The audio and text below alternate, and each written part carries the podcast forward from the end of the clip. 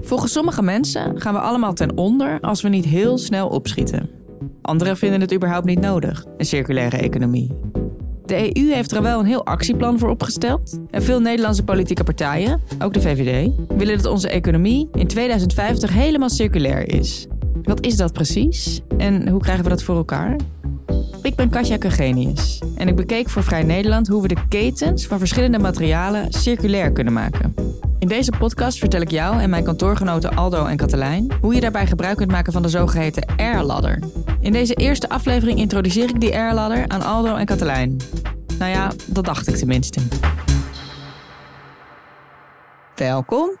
Katelijn en Aldo, leuk dat jullie mee willen doen aan deze podcast over de circulaire economie. Katelijn, jij bent schrijver, jij schrijft en je helpt andere mensen schrijven. Ja. Wij kennen elkaar allemaal van uh, kantoor. We delen een kantoor hier op de Wallen in Amsterdam. En eigenlijk nog belangrijker voor de podcast nu, waarom ik jou erbij heb gevraagd. Jij bent al een paar jaar best actief voor Extinction Rebellion, toch? Ja, dat klopt. Sinds een jaar of vier, denk ik. Ja. Wat doe je? Ik doe mee aan acties, zoveel als ik kan. En ik help ook soms achter de schermen mee. Gewoon hand- en spandiensten die uh, ook nodig zijn. Ja, dus jij bent best overtuigd van dat de wereld duurzamer ingericht kan worden. Uh, ja, ja en, en dat dat uh, absoluut noodzakelijk is voor ons voortbestaan zelfs. Ja. Oké, okay, dankjewel. En dan hebben we Aldo. jij was vroeger journalist ook. Zeker. En uh, ik heb ook gehoord dat jij vroeger kraker was. Nee, ik, nee, nee, nee. Ik was oh. wel uh, zeg maar, actief in, in de beweging. Of ik, ik was altijd bij de acties en zo. Maar ik, ik heb zelf nooit gekraakt. Oh, Oké, okay. dus je bent een ervaren protest... Uh... Ik heb wel zo mijn activistische verleden, ja. ja. En ik mocht ook pas bij zo'n actie van Extension Rebellion zijn. Mede dankzij Katelijn. Ja, en ondertussen ben jij nu, verdien jij je geld met beleggen? Ja, nou, beleggen, meer handelen. Handelen, ja, okay. be beleggen dat duidt op wat duurzaams. En dit, dit is echt uh, wat, wat, wat snellere werk. Oké. Okay. ja, het leek me dus leuk om jou uh, ook bij dit gesprek te vragen, omdat jij dan meer de economische kant van ja, de nee, zaak ik, kan belichten. Ik, ik, ik, ben, ik ben economisch opgeleid. Dus ik, ik heb politicologie gestudeerd met afstudeerrichting economie. Oké. Okay. Ja, ik heb al een paar maanden ben ik nu bezig voor Vrij Nederland om te schrijven over de circulaire economie in plaats van de lineaire economie. En dan heel erg toegepast op materialen. Nou, wat jullie waarschijnlijk al weten, al die ketens zijn dus nu erg lineair ingericht. Dus we halen grondstoffen uit de grond. We stoppen heel veel energie, water, landverbruik in het maken van een product. Het product gaat naar de consument, die gebruikt dat. Of naar een bedrijf, die gebruikt dat. En na gebruik wordt het weggegooid. Dan komt het bij de afvalindustrie. En die maakindustrie en die afvalindustrie zijn eigenlijk nauwelijks met elkaar verbonden, minimaal. En het zou handiger zijn om dat op een circulaire manier te doen. Dat wil ook Nederland, dat wil ook Europa, dat wil inmiddels de hele wereld. Een circulaire economie. En dan is die maakindustrie en die afvalindustrie veel meer met elkaar verweven. En eigenlijk zou er dan eigenlijk geen afval meer zijn en ook geen nieuwe grondstoffen meer nodig zijn. Dat is het doel van Nederland uh, in 2050. Is dit allemaal voor jullie gesneden koek? Nou, niet helemaal. Uh, in die zin dat ik niet eigenlijk wist dat een circulaire economie dus helemaal circulair was. Dus dat, dat je eigenlijk iets, dat nooit meer iets wordt weggegooid, begrijp ik. En dat er dus ook helemaal geen grondstoffen meer uh, nodig zijn. En uh, nee, dat wist ik niet. Ja, nou dat is het zin. ideaal. En ja. er is niemand die echt gelooft dat het helemaal gaat gebeuren. En al helemaal nee. niet al in 2050. Maar dat is wel het idee van we doen het met de materialen die we hebben. Uh, en daar is ook best wel veel in mogelijk eigenlijk. Maar uh, dat zien we nu nog niet, omdat we het nu nog helemaal niet doen. En jij, Katlijn, ken jij deze?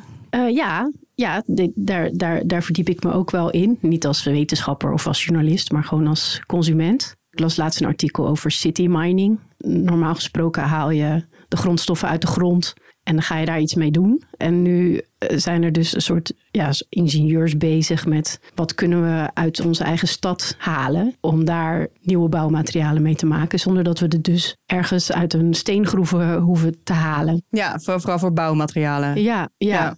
Maar ook als het gaat om telefoons. Als je een nieuwe telefoon koopt, waarom zou je daar al die onderdelen voor uit de mijn moeten halen. Want die, die zijn er gewoon. Als je je oude mobieltje inlevert, zou je daar in principe een nieuwe van kunnen maken. Ja, dus jij, jij vindt het sowieso een goed idee, die circulaire economie? Nou ja, goed idee. Het is de enige optie. dus uh, ja. Oké. Okay. En jij, wat vind jij van de circulaire economie? Het ja, idee? Nou, ja, ik zou. Het, het idee is natuurlijk leuk, maar in de eerste plaats zou ik eigenlijk willen beginnen. Kijk, ik, ik had pas een. Uh, uh, vorig jaar heb ik een koelkast weggegooid. Want die was echt kapot. Maar die is nog van mijn oma geweest. Dus dat ding was zeker wel 40 jaar oud. En als je nu een koelkast koopt, dan, dan ja, is die binnen een paar jaar, gaat die misschien, ik weet niet, vijf of tien jaar mee. Nou, zo heb je natuurlijk ook met, heleboel, ook met kleding. Als ik vroeger een spijkerbroek, die ging gewoon niet kapot. Hm. En nu is die, na een jaar komen er slijtplekken en zo, weet je wel. Dus ik denk, als je nou over duurzaamheid hebt in de productieketen, begin ook weer met gewoon fatsoenlijke producten te maken. Maar die duurzame producten, die dingen die 40 jaar meegaan, ja, daar wordt natuurlijk veel minder aan verdiend. Het is, uh, als je een, een, koelkast maakt die maar tien jaar meegaat, ja, dan kan je er in die tijd vier verkopen. Ja, ja uh, dus precies. dat, nee, dat, ja, is, dus, dat is winst. We, maar, kunnen, we kunnen wasmachines maken die nooit kapot ja, gaan. En dus dat, het, het systeem zou zo ingericht moeten worden dat dat wordt aangemoedigd. Dat, dat klopt, maar dan praat je over een, een, een, radicaal ander economisch systeem. Wat dus niet meer geënt is op, op het maken van zoveel mogelijk winst en niet meer op het creëren van zoveel mogelijk welvaart. Maar ja, als je dat erdoor wil krijgen. Maar even los van, want ik hoef niet nu deze hele discussie te voeren hoor. Het, is, dit is wel, het ligt wel een beetje aan de basis natuurlijk. Maar even verder weer terug naar die hele circulaire economie. Hoe dat dan ongeveer eruit ziet. Een voorbeeld is hoe we ons eigen servies gebruiken in ons huis. Je gebruikt een bordje en een glas en dat was je af. En dat kan je in principe hebben wij ons servies echt best wel jarenlang in de kast staan.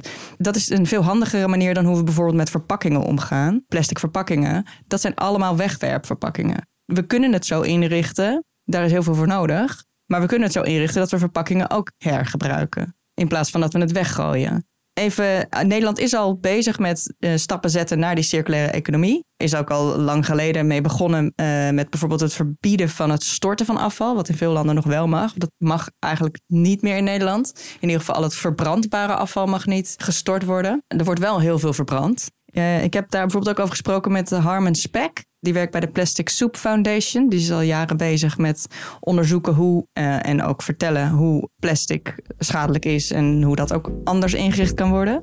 Ik laat hem uh, even horen. 20% van wat je verbrandt krijg je terug in as. Elk materiaal heeft zijn eigen ultieme verbrandingstemperatuur nodig. Dus mm. zelfs binnen plastic zie je daar heel veel verschillen tussen. PET heeft een hele andere verbrandingstemperatuur nodig dan polyethyleen om goed te verbranden. Je kan best wel schoon verbranden. Maar ja, omdat het allemaal gemengd afval is, met ook nog organisch papier, nou, noem maar op. Ja. Waar gaat dat as nu heen eigenlijk? Dat as, uh, dat wordt uh, gestort. Dus ook hier in Amsterdam heb je een, uh, ja, een gebied dat heet het Groene Schip. Prachtige naam, maar het is eigenlijk één grote heuvel met, met vliegas, noemen ze dat, met, met verbrandingsassen uit die ovens. Mm -hmm. En de vrachtwagens rijden af en aan vanuit eh, de verbrandingscentrale naar die hoop toe. Nou ja, en uiteindelijk trekken ze er een laagje klei overheen en zetten ze er wat plantjes en, en bomen op en gras. En dan maken ze er weer een groene recreatiegebied van. Maar het is eigenlijk natuurlijk van de zotte dat we gewoon niet in staat zijn om die hoeveelheid afval die we creëren niet te minderen. Want dat is uiteindelijk waar het om gaat. Ja. Linksaf om, rechtsom je komt de rotzooi altijd weer tegen. Ja, wisten jullie dat? Dat als je het verbrandt dat er 20% overblijft? Ja, wist ik. ik niet. ik ook niet. Katelijn weet alles. Alleen over troep. ben jij dan vooral gericht op het afval? Is dat vooral de kant die jou uh, boos maakt? Uh, nee, eigenlijk maakt alles me boos. Maar dat is uh, als, als uh, bewoner van Amsterdam, daar, daar werd ik dus. Mag ik iets vertellen over waar ik boos van werd laatst? het ging ook over afval. Onze wijk kon aangesloten worden op het warmtenet. En dan konden we van, van het gas af. Uiteindelijk bleek dat allemaal veel ingewikkelder dan ze dachten, dus het is uitgesteld. Maar het idee was dat er warm water gewonnen zou worden uit de restwarmte van de afval centrale. Dat lijkt best wel een toffe groene oplossing, want dan doe je nog iets met die hitte, zeg maar. Maar ik dacht, ja, ik wil geen hitte van verbrand plastic, zeg maar. Dan hebben we nog steeds, wat, wat is de winst, weet je wel? Ik wil dat die afvalverbranding uh, nou ja, naar nul kan. Dus ik wil die hitte eigenlijk ook niet. Omdat er dan ook een reden is om die verbranding te laten blijven bestaan. Ja, Omdat jij nou, dan daar consument van bent geworden. Hou je je eigen probleem in stand. En het moest dan ook verplicht bij die ene energieleverancier, waar ik niet enorm fan van ben. Die hoort bij de top drie van de grootste CO2-uitstoters van Nederland. Is Vattenfall. en die haalt die warmte dan ook weer uit die verbranding van Tata Steel. Dus ik dacht, ja, dan zit ik gewoon met beide benen in een soort eh, CO2-val. Zo voelde het een beetje. Maar het is wel circulair. Maar het is zogenaamd wel circulair, want je gebruikt die, brand, je gebruikt die hitte. En die gaat nu gewoon, eh, die doet nu niks. Dus eh, dat is ook zonde. Eh, de ondernemers die ik spreek over die eh, circulaire economie, die verwijzen telkens naar de R-ladder. Eh, de R van de, de letter R. Oh, oké, ja. Ehm, het is een soort model voor de circulaire economie. En die R'en zijn allemaal Engelse woorden. En één R is bijvoorbeeld recycling. Die staat bijna helemaal onderaan de ladder. En onderaan betekent niet goed. Het betekent, oké, het is wel nodig... maar laten we alsjeblieft onze energie vooral steken in hogere... eh, Ja. sporten van die ladder. Helemaal onderaan, nog onder recyclen, zit recover. En dat is dat verbranden ook. Dus dat is dat je er energie uithaalt. Dus je, je haalt energie terug uit materiaal wat, wat je hebt eh, weggegooid. Recyclen staat daar dus boven. Dat is natuurlijk nodig om de eindjes aan elkaar te knopen. Eh, maar daar gaat vaak ook heel veel energie in. En wat je eruit terugkrijgt is vaak een stuk laagwaardiger, minder waard, minder bruikbaar dan eh, wat erin ging. Dan wat, je- staat er bovenaan? Oh, oh nee, ga door. Ja. ja, ik ga hem even ik ga hem oplopen met jullie. Ja. Boven recycling staat, nou je hebt verschillende versies, maar in degene die ik nu hanteer zit daarboven de R van repair, repareren. Ja, dus als iets kapot is, eh, maak het in plaats van gooi het weg. Wat in, heel vaak in onze economie niet de handigste en goedkoopste optie is.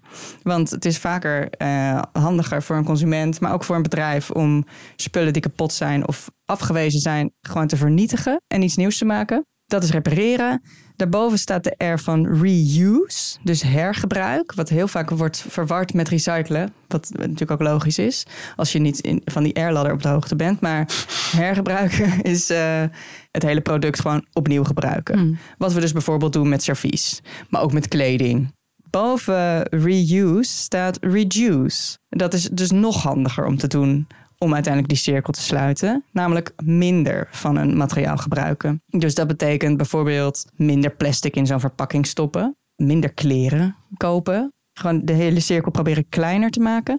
En boven die reduce staat dan nog refuse. Dus weigeren, gewoon überhaupt het niet meer gebruiken. Nou, hoe die reduce en refuse precies samenhangen, dat vind ik ook nog lastig. Van wat waar nou precies onder valt. Maar het is natuurlijk ook helemaal geen wetmatigheid, die hele R-ladder. Het is er vooral om aan te geven. Er is veel meer dan dat recyclen. Het is eigenlijk handiger om veel energie en tijd te steken in het verkleinen van die cirkel dan eh, in die eindjes aan elkaar knopen. Kennen jullie die R-ladder? Nee. Ja. Nou, nu wel. Ja, jij wel. Nee, tuurlijk ken jij meer. Wat, eh, waar ken je hem van? Ja, dat is zo'n slogan die je ook echt op, eh, op posters en abris eh, ziet, toch? Refuse, reduce, repair, recycle. Ja, Ja, dus, Ja. ja. ja, dus dat lijstje, dat ken ik eigenlijk wel uit mijn hoofd. Wat wordt er precies bedoeld met kleiner maken? Is dat dus, eh, en wat je zegt van inderdaad minder consumeren? Is dat dat je zegt van ja, waarom moet je eh, tien paar schoenen hebben? Nou, wacht. Ik zal even nog een, eh, een geluidsfragmentje laten horen van iemand die dit... Ik vond het hem wel goed uitleggen. Joris Bouwens heet hij. Hij is van Metabolic. Dat is onderzoeksadviesbureau. Die zijn helemaal gericht op hoe, hoe we de wereld dus anders in kunnen richten. Duurzamer en meer binnen de planetaire grenzen en circulaire economie. Hoe je het ook allemaal wil noemen. Het is allemaal eh, wel ongeveer dezelfde richting. Ik heb hem geïnterviewd vooral over de metalen. Die, de kritieke metalen, zeldzame metalen, die nodig zijn in heel veel elektronica. Ehm, laten we hem even horen.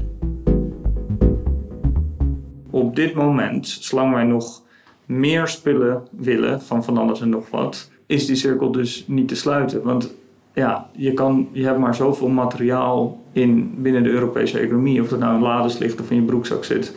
Of dat het bij een recyclingplant zit. Als we meer spullen willen hebben, dan moet het nog ergens extra vandaan komen. En dus om dat tegen te gaan, is een deeleconomie waarbij we dus in plaats van meer spullen, minder spullen hebben. Eh, maakt het misschien mogelijk om het inderdaad te doen met de materialen die al in het systeem zitten.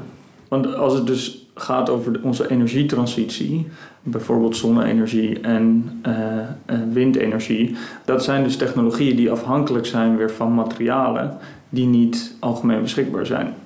Uh, sterker nog, als je dus die hele ambitie van die energietransitie goed doorrekent, dan kom je er eigenlijk gewoon achter dat de materialen, dat we niet genoeg hebben ervan om het te realiseren. Wou je meteen iets zeggen? Nou, ik wou wel iets zeggen. Ehm, ja, we hadden het over dat uh, reduce. Hè? Het kan wel minder, maar ja, dan wordt er dus wel veel minder verdiend. En dan is er minder werk. En dan is er minder. Ja, dat, dat zijn de nadelen. Nou, dat minder werk nou, en, en minder verdienen. Volgens mij kan dat ook anders als je dus het anders inricht. Als je bijvoorbeeld, daar gaan we het nog later in een andere aflevering wel over hebben. Over het businessmodel van dat je iets verhuurt in plaats van verkoopt. Dat de producent hmm. eigenaar blijft van het product. En daardoor probeert het nog duurzamer te maken. Want het is dan in zijn uh, nadeel als het mm. kapot gaat. Mm. Het is ook in zijn nadeel als het dan niet recyclebaar is. Dus op dat soort manieren kan je... En ook kleding wordt nu heel goedkoop verkocht. Dan heb je shirtjes van 5 euro. Ja, dat ga je ook niet laten repareren. van 5 euro, ja. Maar als dat op de een of andere manier verboden wordt... of anders beloond wordt of be, beprijsd wordt... Uh, met belasting bijvoorbeeld... komt er gewoon weer kleding op de markt... of meer kleding op de markt die echt goed is en, mm. en lang houdbaar is. En dan kan je ook bijvoorbeeld levenslange garantie geven. Ja. Uh, daar valt ook geld mee te verdienen. Ja. Nou, ik, ik vind sowieso dat eigenlijk dingen veel duurder moeten worden. Alles wordt steeds maar uh, goedkoper. Ja, men zegt wel dat het niet zo is, maar, uh, maar ik wou ook nog wat het over de deeleconomie, ja, toch? dat wou ik ook nog zeggen, ja. ja. Nou ja, kijk, in principe denk ik is deeleconomie lijkt mij heel goed. Alleen wat zie je natuurlijk, hè, dat zie je ook met dat, dat Airbnb, wat ook een vorm van deeleconomie is. Ja, dan gaan mensen huizen kopen alleen maar om het te verhuren. Hm.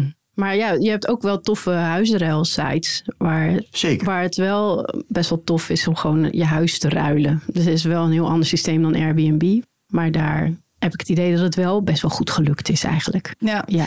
En die deeleconomie gaat bijvoorbeeld ook over auto's delen. Ja. ja. Die, uh, daar heb je inmiddels best wel uh, goede systemen voor. Die ook gewoon werken. Ik heb, dat, ik heb zelf ook geen auto. Ik gebruik ook alleen maar deelauto's.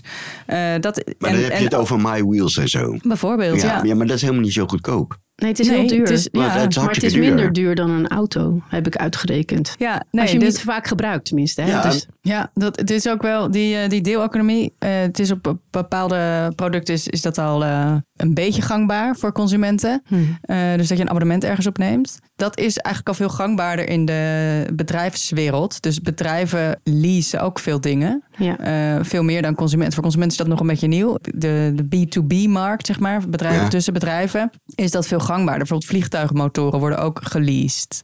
Oh ja? En zo zijn er, ja, en uh, dat is ook een beetje omdat, uh, nou, dat heeft allemaal redenen, maar een van de redenen is dat bedrijven ook beter zijn in bedenken wat op de lange termijn uiteindelijk geld scheelt of uh, Zeker. kost. Ja. En dat, daar zijn consumenten gewoon niet zo goed in. Dus die bedenken, hé, hey, wat stom, het kost me 80 euro als ik naar, uh, naar mijn ouders rij. Het is dan moeilijker om te bedenken, want dan moet je dus inderdaad even gaan zitten en alles uitrekenen. Hoeveel je uiteindelijk per maand kwijt bent als je hem een paar keer gebruikt. Jij zei ook, dan is er minder werk. Ja. Um, oh ja maar ja. dat is dus juist in ieder geval veel mensen die, die, die voorstander van de circulaire economie zijn, die daarmee bezig zijn, die een onderneming oprichten om die circulaire economie op gang te helpen.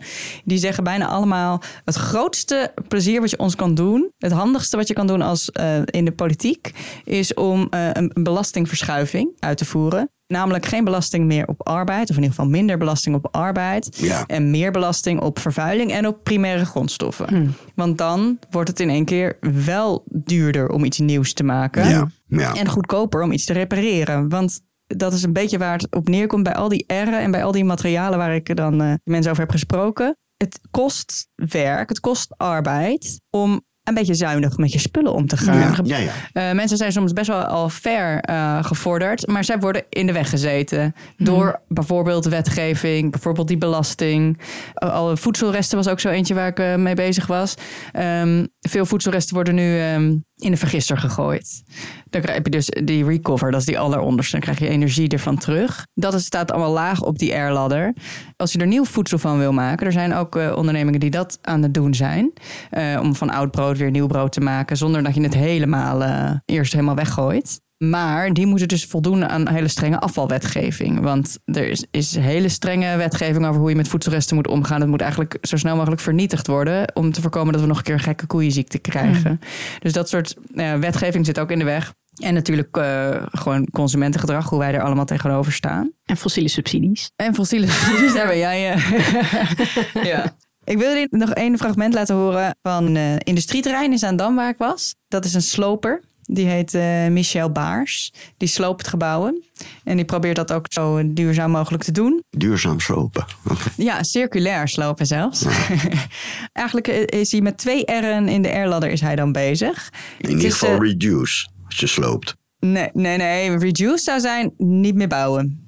Hij sloopt ook wel zo min mogelijk. Ik bedoel, hij doet, neemt natuurlijk zoveel mogelijk sloopopdrachten aan. Maar hij wil eigenlijk alleen gebouwen slopen die ook echt niet meer te gebruiken zijn. Het liefst wil hij dat, en dat al, alle voorstanders van circulaire economie, dat de gebouwen zo lang mogelijk blijven staan. Hmm. Uh, dus het liefst uh, wordt er niet gesloopt. En als hij dan sloopt, heeft hij twee manieren hoe hij dat uh, doet. Eén manier zag ik ook trouwens. Hij heeft me een hele rondleiding gegeven. Daarom is dit geluidsfragment ook nogal lawaaiig. Want we liepen over een soort bouwplaats waar graafmachines allemaal hopen zand en grind van de ene naar de andere machine brachten om het daar allemaal te laten behandelen. En er was ook een soort graafmachine met een grijparm met een soort dinosaurusbek eraan vast. Ik had echt heel graag gewild dat ik mijn zoontje mee had kunnen nemen. Die pakte echt enorme brokken beton vast en die kneep dat dan fijn en dan viel het uit elkaar in allemaal stukjes.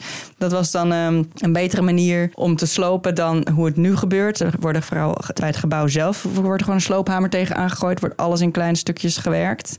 En hij zei hoe hij dat nu doet, probeert hij ook het cement te behouden. Cement is het meest vervuilende onderdeel van beton. Er is heel, heel veel hitte nodig om überhaupt cement te maken. En hij zei, vroeger werd er heel veel cement in beton gegooid. Uh, eigenlijk te veel. Dus een heel deel van het cement wat nu in het beton zit, is eigenlijk nog niet gebruikt, nog niet geactiveerd. Dat kunnen we hergebruiken, kunnen we er nog uithalen. Maar dan moeten we het wel op een goede manier doen. Niet nat, maar droog. Nou, ik zou jullie die techniek even besparen. Maar in ieder geval, laat jullie even horen. Een enorme loods liepen we binnen. Lagen allemaal, lag helemaal opgestapeld onderdelen van de Nederlandse bank... die inmiddels is ontmanteld in Amsterdam en allemaal zakken grondstof. Hij gaat er even iets over vertellen. En kijk uit, het is dus een, een beetje een lawaaiige opname.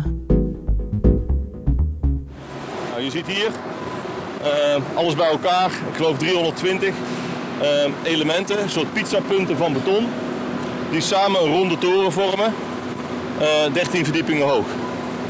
Die liggen hier in opslag eh, en daarachter ook een heel stuk. En die zakken? Die zakken, dat is, uh, dat is wel grondstof. Dus wat we hier ook doen in deze hal, naast de opslag van uh, uh, beton van de Nederlandse Bank, is dat we zand ontstoffen. Dus bij beton heb je grind, je hebt zand, heb je fines, hele fijne fractie, cement zit daar ook tussen. En dan stop je er water bij en krijg je beton. Als je het dus weer uit elkaar haalt, heb je ook die fines. En die fines die zitten in het zand. En dat maakt dat dat zand heel moeilijk herbruikbaar is. En hier ontstoffen we het zand. En daarmee wordt eigenlijk een vrijwel, nou laat ik zeggen, uh, lastig herbruikbaar product, zand met stof, worden drie of vier hele waardevolle grondstofstromen. Namelijk, je hebt ook weer fines nodig om beton te maken en ook weer zand nodig om beton te maken. En daarmee wordt de toepasbaarheid van dit materiaal weer heel veel groter. Dus we hebben de opslag van een, van een gebouw liggen, dat beogen we eigenlijk. Maar heel veel gebouwen zijn niet op deze manier gemaakt en die moeten we dus uit elkaar halen. En als we ze uit elkaar halen, dan moeten we ze kapot maken, omdat ze niet losmaakbaar zijn ontworpen. En als we ze dan toch kapot maken, moeten we proberen die grondstoffen terug te winnen. Oké, okay, ja. Dus uh, twee R'en. Welke twee R'en denken jullie? Oh jeetje. Daar, uh, Recycle, toch? Ja, ja, ja dus hij, uh, hij probeert. Hij, hij en reuse. En reuse, ja. Dus hij eh, hergebruikt die elementen. Dat is dus die hele Nederlandse bank. Die is in de jaren 80 of 70, zei hij, gebouwd, maar wel modulair. Omdat het midden in Amsterdam stond. Daar kan je niet zomaar uh, betonnen elementen gaan maken. Dus het is geprefabriceerd.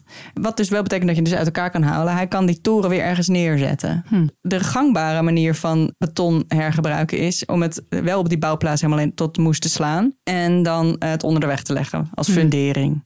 Maar dat is dus een soort laagwaardige manier van recyclen. Want dan heb je niet, kan je niet echt iets nieuws van bouwen. Dus hij zegt of je gebruikt die elementen, maar dan moet je dus eerst gebouwen zo gaan ontwerpen dat je ze uit elkaar kunt halen. Daar is nu ook wel meer uh, animo voor. Of je gaat het dus recyclen, maar dan moet je het ook goed recyclen. En dan ga je proberen echt al die grondstoffen apart hmm. van elkaar terug te brengen. En dan kan je gewoon weer nieuw beton maken. Maar dat is dan dus gerecycled beton. Dus hoef je geen nieuw cement, maar dat geen is veel nieuw duurder, zand. denk ik. Nou, hij zei het is nu, hij heeft het nu ongeveer uh, even gekregen Hmm. met de gangbare. Oké. Ja, want um, het levert hem natuurlijk ook materiaal op, hè? Ja. Dus hij sloopt een gebouw en daar krijgt hij uh, materialen voor terug. En dat verkoopt hij weer in de vorm van gerecycled beton. Ja. Oké. Okay. En dat zou het, maar ja, als die belastingen dus ook nog gaan verschuiven, ja. of dat die CO2 weer hoger wordt beprijsd, dan is het natuurlijk alleen nog maar voordeliger om het ja. zo te doen. Ja, te gek. Nou, ik vind het ook best goed klinken. ja, dat klinkt echt fantastisch. Dit was aflevering 1 over de Airladder. In de volgende afleveringen bespreek ik met Aldo en Katelijn wat er al gebeurt en wat er nog in de weg zit bij de verschillende R'en. De eerste gaat over recycling. Wil je meer weten over het circulair maken van specifiek één materiaal? Op Vrij Nederland vind je artikelen per materiaalsoort. Plastic, elektronica, textiel, voedselresten, beton of ons riool. Veel dank aan Hans Poel voor de eindmixage en conceptbewerking. En natuurlijk aan Katelijn Schilder en Aldo Dikker. Tot de volgende aflevering.